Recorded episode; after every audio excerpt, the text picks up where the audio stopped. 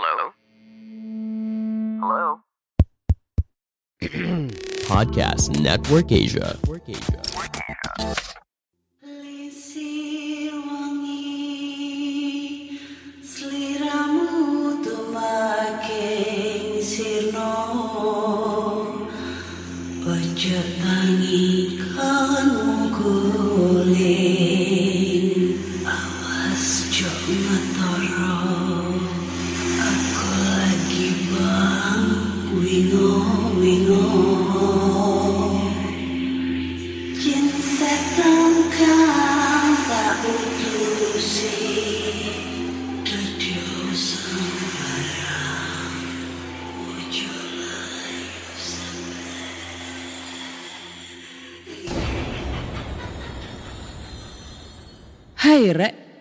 apa kabar Ketemu lagi dengan aku si Ana di podcast kisah horor.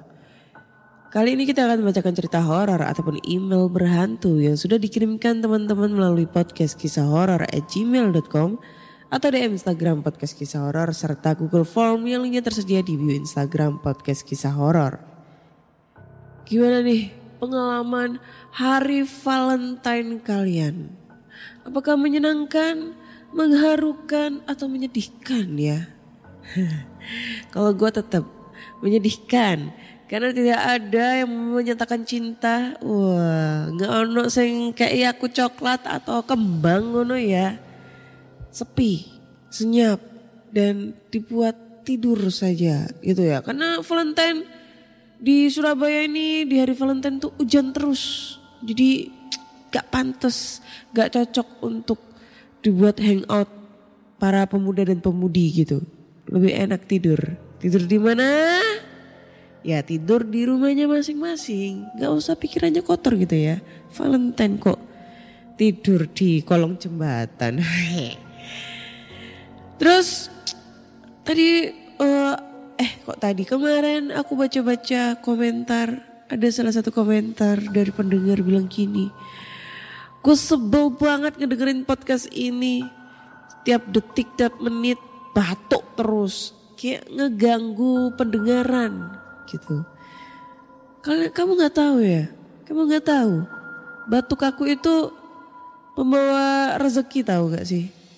Tanpa batuk aku dari episode 1 sampai episode 200 sekian ini pendengar aku tuh eh, nggak sebanyak ini gitu loh ya nggak seekspektasi aku gitu loh. Ah, batuk gue pembawa rezeki kok. Banyak banget yang ngedengerin. Tanpa batuk itu pendengar gue itu sedikit. Kalau gue batuk-batuk itu pendengar gue tuh banyak gitu. Ya tapi jangan kalian doain gue batuk terus. Mati gue yang ada. Ntar kalau gue mati nih bukannya gue ngeceritain horor malah gue bikin materi horor nih untuk para eh, kreator-kreator horor. Jangan. Ya, saya belum nikah ya. Jadi daripada kalian nunggu saya mati untuk wah kok ngedoain ya? Enggak enggak enggak enggak. Maksud saya daripada kalian ngedengerin materi tentang gua eh gimana sih? Daripada gua eh pokoknya ya udahlah bacain cerita horor aja lah kayak biasanya. Pusing gua. Oke, cerita pertama ini datang dari email. Judulnya adalah apa ya? Judulnya adalah cerita mistis ibu hamil. Hai Kak Ana, halo semuanya. Ini adalah cerita pertama aku. Izinkan aku ikut heboh di podcast kisah horor ini dengan menceritakan pengalaman mistis saat aku hamil dan beranak. Terima kasih sudah meluangkan waktu untuk membacakan cerita aku, Kak. Waktu aku hamil tahun 2013-2014. Kebetulan aku tinggal di kota Bontang, Kalimantan Timur. Kota yang katanya pendapatan per kapita tertinggi di Indonesia. Kota Bontang ini letaknya bisa dibilang pelosok. Tapi ada sih airport kecil dengan tar- dengan harga tiket yang lumayan mahal. Jaraknya sekitar 6 sampai 7 jam naik darat dari Balikpapan dan kota ini baru berumur 17 tahun. Kalau ada warga Bontang, bolehlah kita say hello. Kontrakan aku tipenya bangsalan 5 pintu. Tiap rumah dua lantai, lantai satu kamar, WC, dapur. Sedangkan lantai dua los kosongan dan teras cemburan. Lantai dua aku kasih aku kasih sekat dengan tirai dan bisa untuk kamar kalau ada tamu. Tapi nggak ada pintu. Di Bontang, aku tinggal berdua sama suami aja, tanpa keluarga. Selama 27 tahun aku hidup, aku nggak pernah mengalami pengalaman menakutkan selain waktu hamil ini. Dan inilah kisah aku. Kalau orang hamil biasanya disuruh bajunya ditempelin peniti, bawa sajam, senjata tajam macam gunting kuku, gunting kecil, dan lain-lain. Ke mana-kemana, eh ke mana-kemana, ke mana-mana. Katanya biar nggak digangguin makhluk halus karena aura bayi atau janin yang masih pure itu menggoda untuk digangguin. Awal hamil muda, Bu RT aku udah ngasih tahu ini. Disuruh beli bulu landak buat jadi tusuk konde. Tapi aku nganggep, ah cuma mitos aja lah. Dan mitos itu jadi kenyataan. Entah karena aku kepikiran terus omongan Bu RT, makanya jadi kejadian atau apa. Malam itu seperti malam-malam sebelumnya, aku dan suami pergi tidur dengan perut kenyang. Tapi tiba-tiba aku terbangun dari tidur tapi gak bisa bergerak alias ketindihan.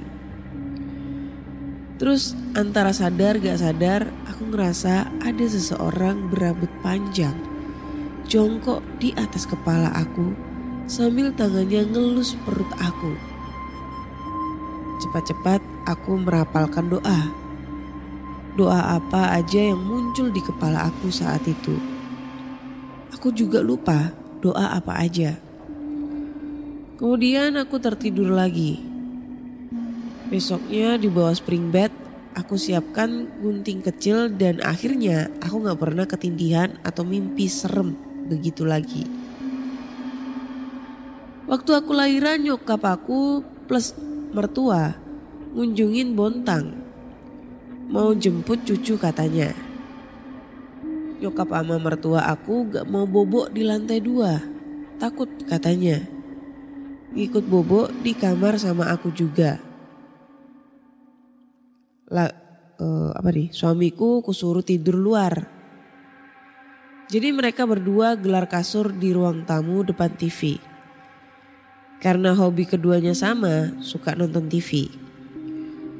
Nyokap aku suka, eh nyokap aku nonton sinetron. Mak mertua doyan nonton channel luar, macam Star World. Apa ini? Ya itulah pokoknya. Kita bertiga doyan begadang, main kartu sambil nonton TV. Waktu usia si baby sekitar 2 atau 3 hari, waktu itu ASI aku belum belum begitu lancar.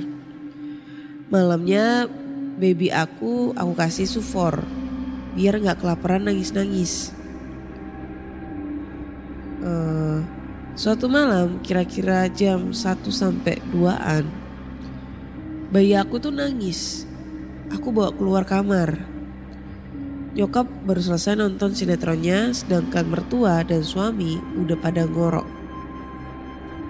Aku minta tolong dibikinkan susu sedangkan aku sibuk gendong si bayi yang nangis-nangis heboh. Abis dah jadi susu dotnya. Aku bawa baby ke kamar dan nyokap aku li lihat siap-siap bobok juga. Eh, dan nyokap aku lihat siap-siap bobok juga. Aku duduk di bed sam sambil gendong bayi aku dan mulai ngasih doi susu dotnya. Di dekat pintu aku, eh, di dekat pintu aku ada kipas angin tornado kecil. Gak tahu kenapa aku perhatiin itu kipas angin. Lalu terdengarlah sayup-sayup suara. Hi. Sumpah, itu kayak suara setan di film almarhum Susana zaman dulu itu. Oh, gue praktekin ulang. gitu kali. Tapi aku stay cool. Pikir aku, ah paling kipasnya kurang minyak. Jadi pas muter suaranya ngik ngik ngik. Serem itu terdengar kira-kira setengah menit gitulah suara itu. Abis itu udah gak ada suara apa-apa lagi. Jadi aku positive thinking. Itu suara kipas kurang minyak. Jadi pas muter suaranya ngik-ngik. Besok paginya aku cerita ke nyokap dan nyokap juga bilang denger. Tapi gak berani ngasih tahu aku karena takut aku ketakutan. Secara aku abis eh, apa nih? Eh, secara aku abis ini mereka eh secara abis ini mereka pulang jadi aku ditinggal sendirian nanti.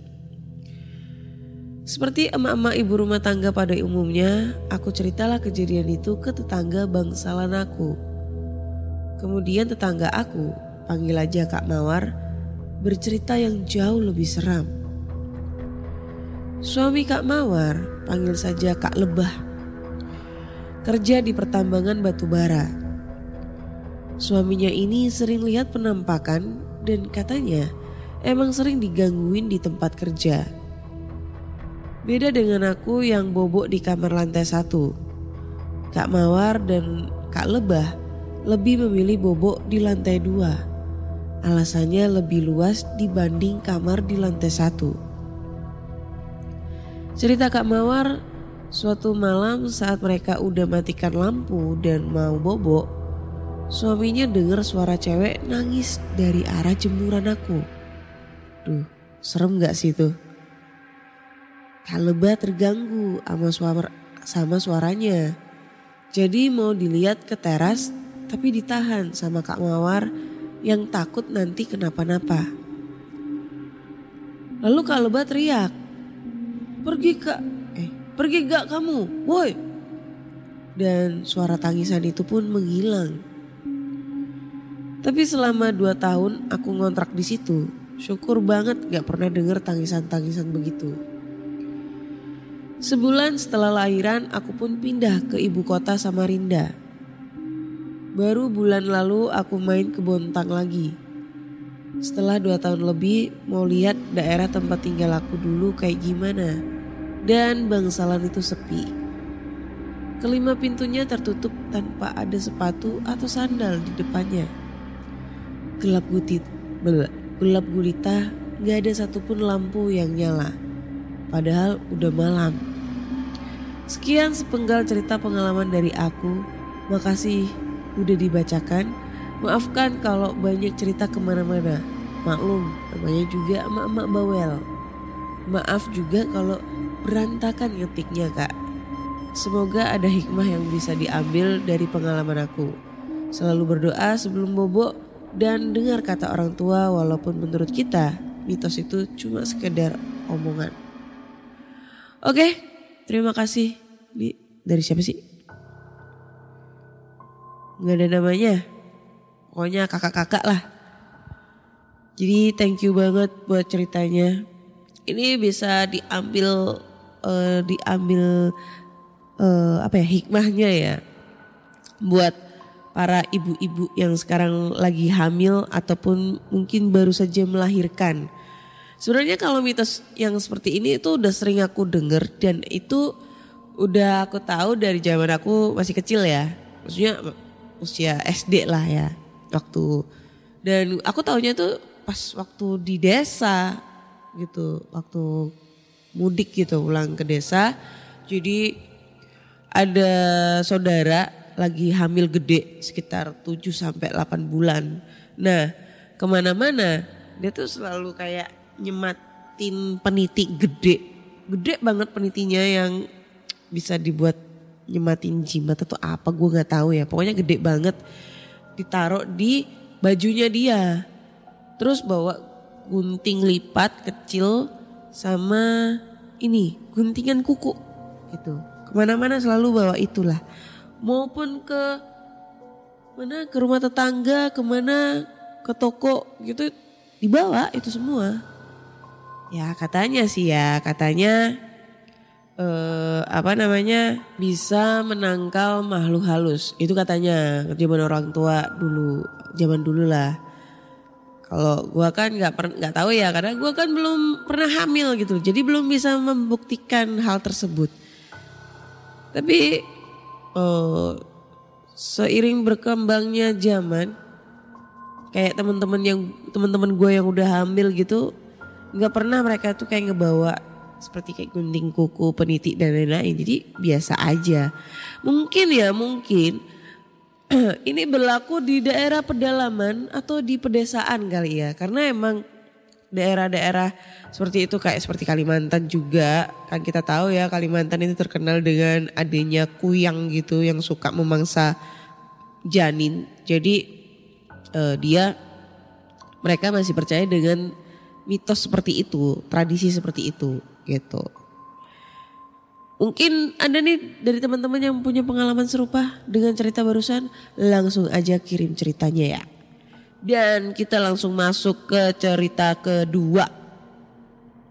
Judulnya adalah Kejadian mistis saat kerja shift malam.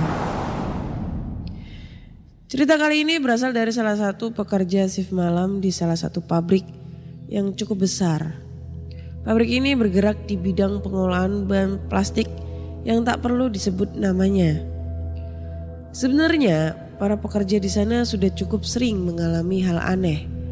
Tapi karena sudah terbiasa mereka pun tidak lagi mempermasalahkan. Ada banyak cerita yang beredar di pabrik tersebut. Jadi kisah horor shift malam ini ceritanya terjadi sekitar empat tahun lalu. Saat saya baru lulus sekolah dan langsung mendapat pekerjaan. Di pengalaman kerja saya yang pertama, saya langsung mendapatkan tempat kerja dengan sejuta cerita yang rasanya seru untuk dibagikan. Jadi saya akan bercerita tentang teror suster ngesot. Kenapa eh suster ngesot yang ada di pabrik saya bekerja dulu. Kenapa eh mana nih? Eh, nyampe mana nih? Heh, nyampe mana nih? Oh ini. Kenapa suster ngesot bisa ada di pabrik? Sebenarnya itu bukan suster ngesot. Itu hantu wanita biasa yang cara jalannya ngesot. Makanya para pekerja di sana menyebutnya suster ngesot. Sosok itu sudah terkenal sekali. Hampir semua orang pabrik tahu cerita ini. Sudah seperti urban legend. Jadi kawasan pabrik saya ini memiliki tiga gedung. Dua gedung di depan menghadap jalan raya dan satu gedung di belakang yaitu gedung dua. Gedung dua inilah yang katanya angker. Pengalaman mistis saya di pabrik ini terjadi saat saya baru bekerja selama satu bulan. Saat itu pertama kali saya dapat shift malam. Masuk jam 12 malam dan pulang jam 8 pagi. Saya cukup bersemangat karena ini pengalaman pertama masuk malam. Ditambah katanya masuk shift malam lebih santai daripada pagi. Sesampainya di pabrik, semua berjalan normal seperti biasa. Dan saya bekerja di gedung 2 yang katanya angker itu. Pekerjaan berjalan dengan lancar dan tidak merasa ngantuk sama sekali. Sampai tiba jam 2 malam, saya diminta senior saya untuk ke belakang mengambil bahan mentah menggunakan palet dan troli hidrolik karena for, karena forklift sedang sibuk. Akhirnya saya bersama satu orang senior yang seorang pria parubaya berjalan ke belakang.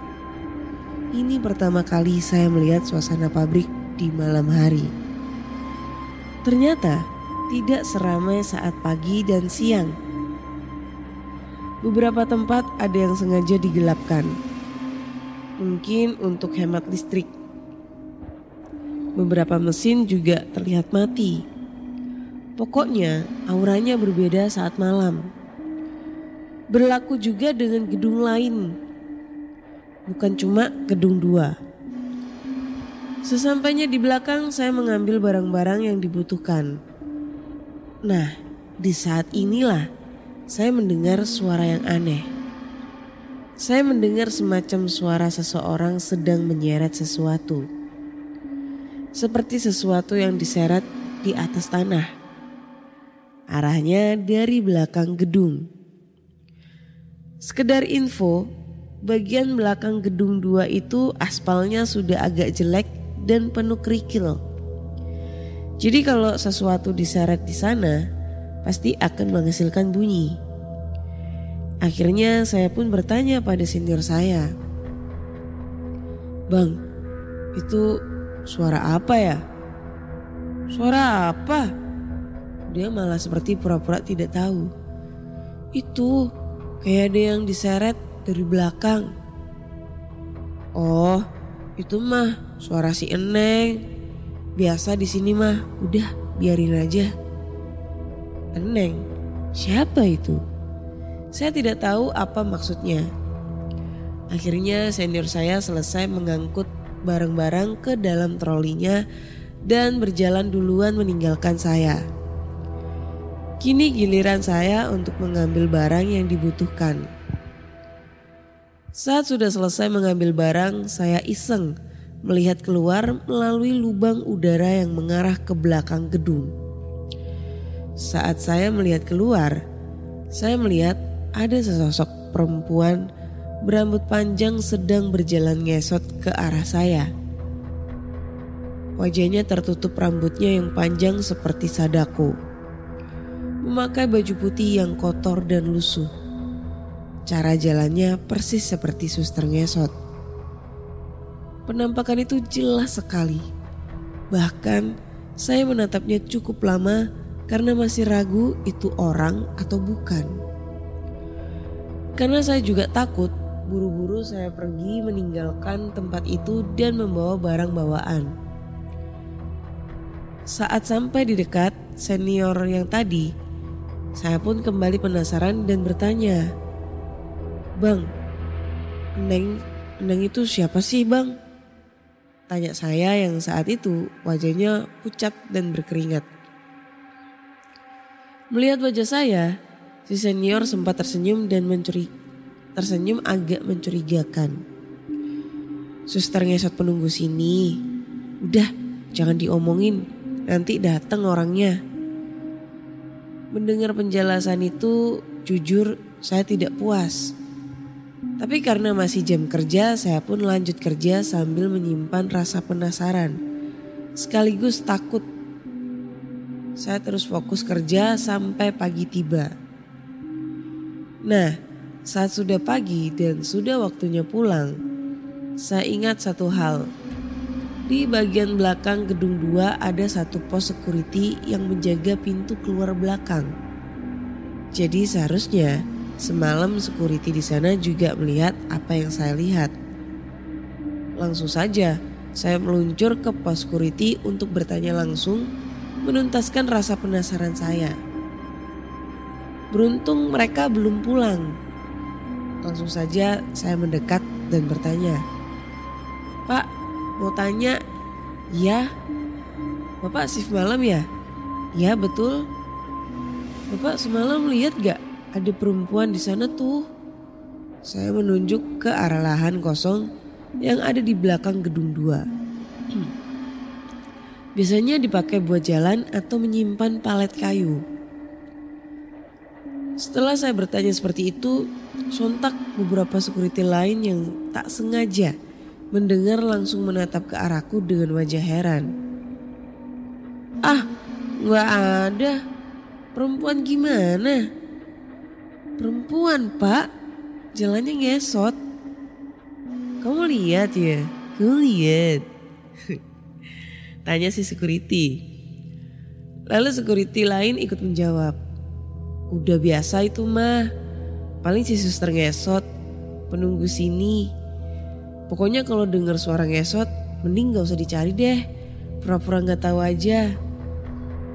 Dari penjelasan itu, barulah saya percaya mengenai adanya hantu penunggu gedung 2 yang namanya suster ngesot. Saya juga sempat bertanya ke beberapa teman yang bekerja cukup lama dan mereka semua membenarkan tentang adanya mitos itu. Pesan mereka sama, pokoknya kalau dengar suara ngesot jangan dicari, pura-pura nggak tahu aja. Ada juga yang bilang suster ngesot ini hanya muncul saat jam 11 ke atas. Ada yang cerita katanya hantu itu adalah arwah penasaran yang dibunuh dan dikubur di sini. Semakin saya bertanya, semakin banyak cerita yang saya dapat sampai akhirnya saya cukup menerima bahwa sosok itu memang ada. Pengalaman ini jadi yang pertama dan terakhir kalinya bagi saya. Dan selama dua tahun bekerja di sana, saya sudah berkali-kali mendengar suara ngesot saat kerja shift malam tapi selalu saya abaikan. Seperti pesan senior. Alhamdulillah saya tidak pernah melihatnya lagi. Mungkin dalam seminggu masuk malam minimal satu kali saya dengar suara ngesot itu. Sebenarnya ada gangguan lain di gedung 2 selain suster ngesot. Terutama untuk toiletnya. Pernah satu kali saya sedang memakai toilet sendirian Kemudian tiba-tiba terdengar suara kloset yang sedang ditekan tombol flashnya. Padahal tidak ada siapa-siapa di toilet samping saya. Teman saya juga pernah merasakan saat sedang memakai toilet. Tiba-tiba di toilet sampingnya terdengar suara batuk laki-laki beberapa kali. Padahal saat itu dia sendirian di toilet. Lalu cerita dari security yang sedang iseng bernyanyi malam-malam. Tiba-tiba terdengar suara misterius, suara perempuan misterius yang mengikuti nyanyiannya. Padahal tidak ada siapa-siapa di sekitarnya. Kalau si, kalau kata si security, barusan saya nyanyi di belakang, terus tiba-tiba ada backing vokalnya. Eh, hebat. Ya itulah cerita yang bisa saya bagikan mengenai urban legend yang ada di tempat saya bekerja saya dulu. Beruntung dua tahun saya kerja di sana, saya tidak memperpanjang kontrak karena mendapat pekerjaan di tempat lain yang lebih besar gajinya. Sekian cerita saya kak, maaf kalau tidak seram dan bertele-tele. Oke, oke, oke. Terima kasih buat ceritanya ya cerita pengalaman horor pada saat shift malam. Sebenarnya banyak banget uh, cerita-cerita tentang uh, shift malam ya yang udah masuk ke podcast kisah horor. Beragam macam bentuk ceritanya dan beragam macam aduh. Eh, beragam macam uh, jenis-jenis ceritanya. Tapi tetap kaitannya sama shift malam. Gitu guys. Yaudahlah, kayaknya udahan aja deh cerita di episode kali ini karena gue capek banget ngantuk juga sebenarnya udahan ya. Karena ini udah malam, udah dini hari sih lebih tepatnya ya. Jadi buat teman-teman semua nih kalau kalian punya cerita yang serupa nih dengan cerita-cerita yang barusan aku ceritain. Cerita horor, entah itu cerita pengalaman kalian sendiri, teman, kakak, adik, ayah, ibu, kakek, nenek, tetangga, bude, bule, pak le, pak de ya. Semuanya ya. Kalian bisa aja kirim ceritanya ke podcast kisah horor at gmail.com atau di Instagram podcast kisah horor serta Google Form yang linknya tersedia di bio Instagram podcast kisah horor. Jangan lupa dengerin podcast kisah horor di Spotify, Google Podcast, Apple Podcast, Noise serta Pogo, uh, Reso, lalu ada lagi apa lagi ya? Dan jangan lupa tinggalin komentar-komentar pedas kalian yang pedas, nyelekit, menyakitkan di kolom komentar di Noise atau di Pogo karena dua platform itu yang bisa untuk tinggalin pesan nih komentar-komentar di setiap episodenya. Jangan lupa juga kasih bintang 5 rating bintang 5 untuk podcast kisah horor di Spotify. Oh ya, dan satu lagi nih. Karena besok hari Jumat dan bakal tayang episode baru di podcast Ada Mereka di Sekitar Kita. Jangan lupa nih, didengerin ya. Dengerin nih podcast gua barengan sama Mr. Popo nih ya. Jarang ini adalah eh, suatu project yang sangat tidak pernah saya lupakan ya. Didengerin di Spotify, Apple Podcast, Google Podcast atau eh, platform podcast kesayangan kalian ya. Di Noise, Pogo, Reso nggak ada, nggak ada, nggak ada. Cuma di Spotify aja lah. Dengerin di Spotify aja deh ya. Oke. Akhir kata saya undur diri dan terima kasih sudah mendengarkan podcast kisah horor dan podcast ada mereka di sekitar kita. Bye bye.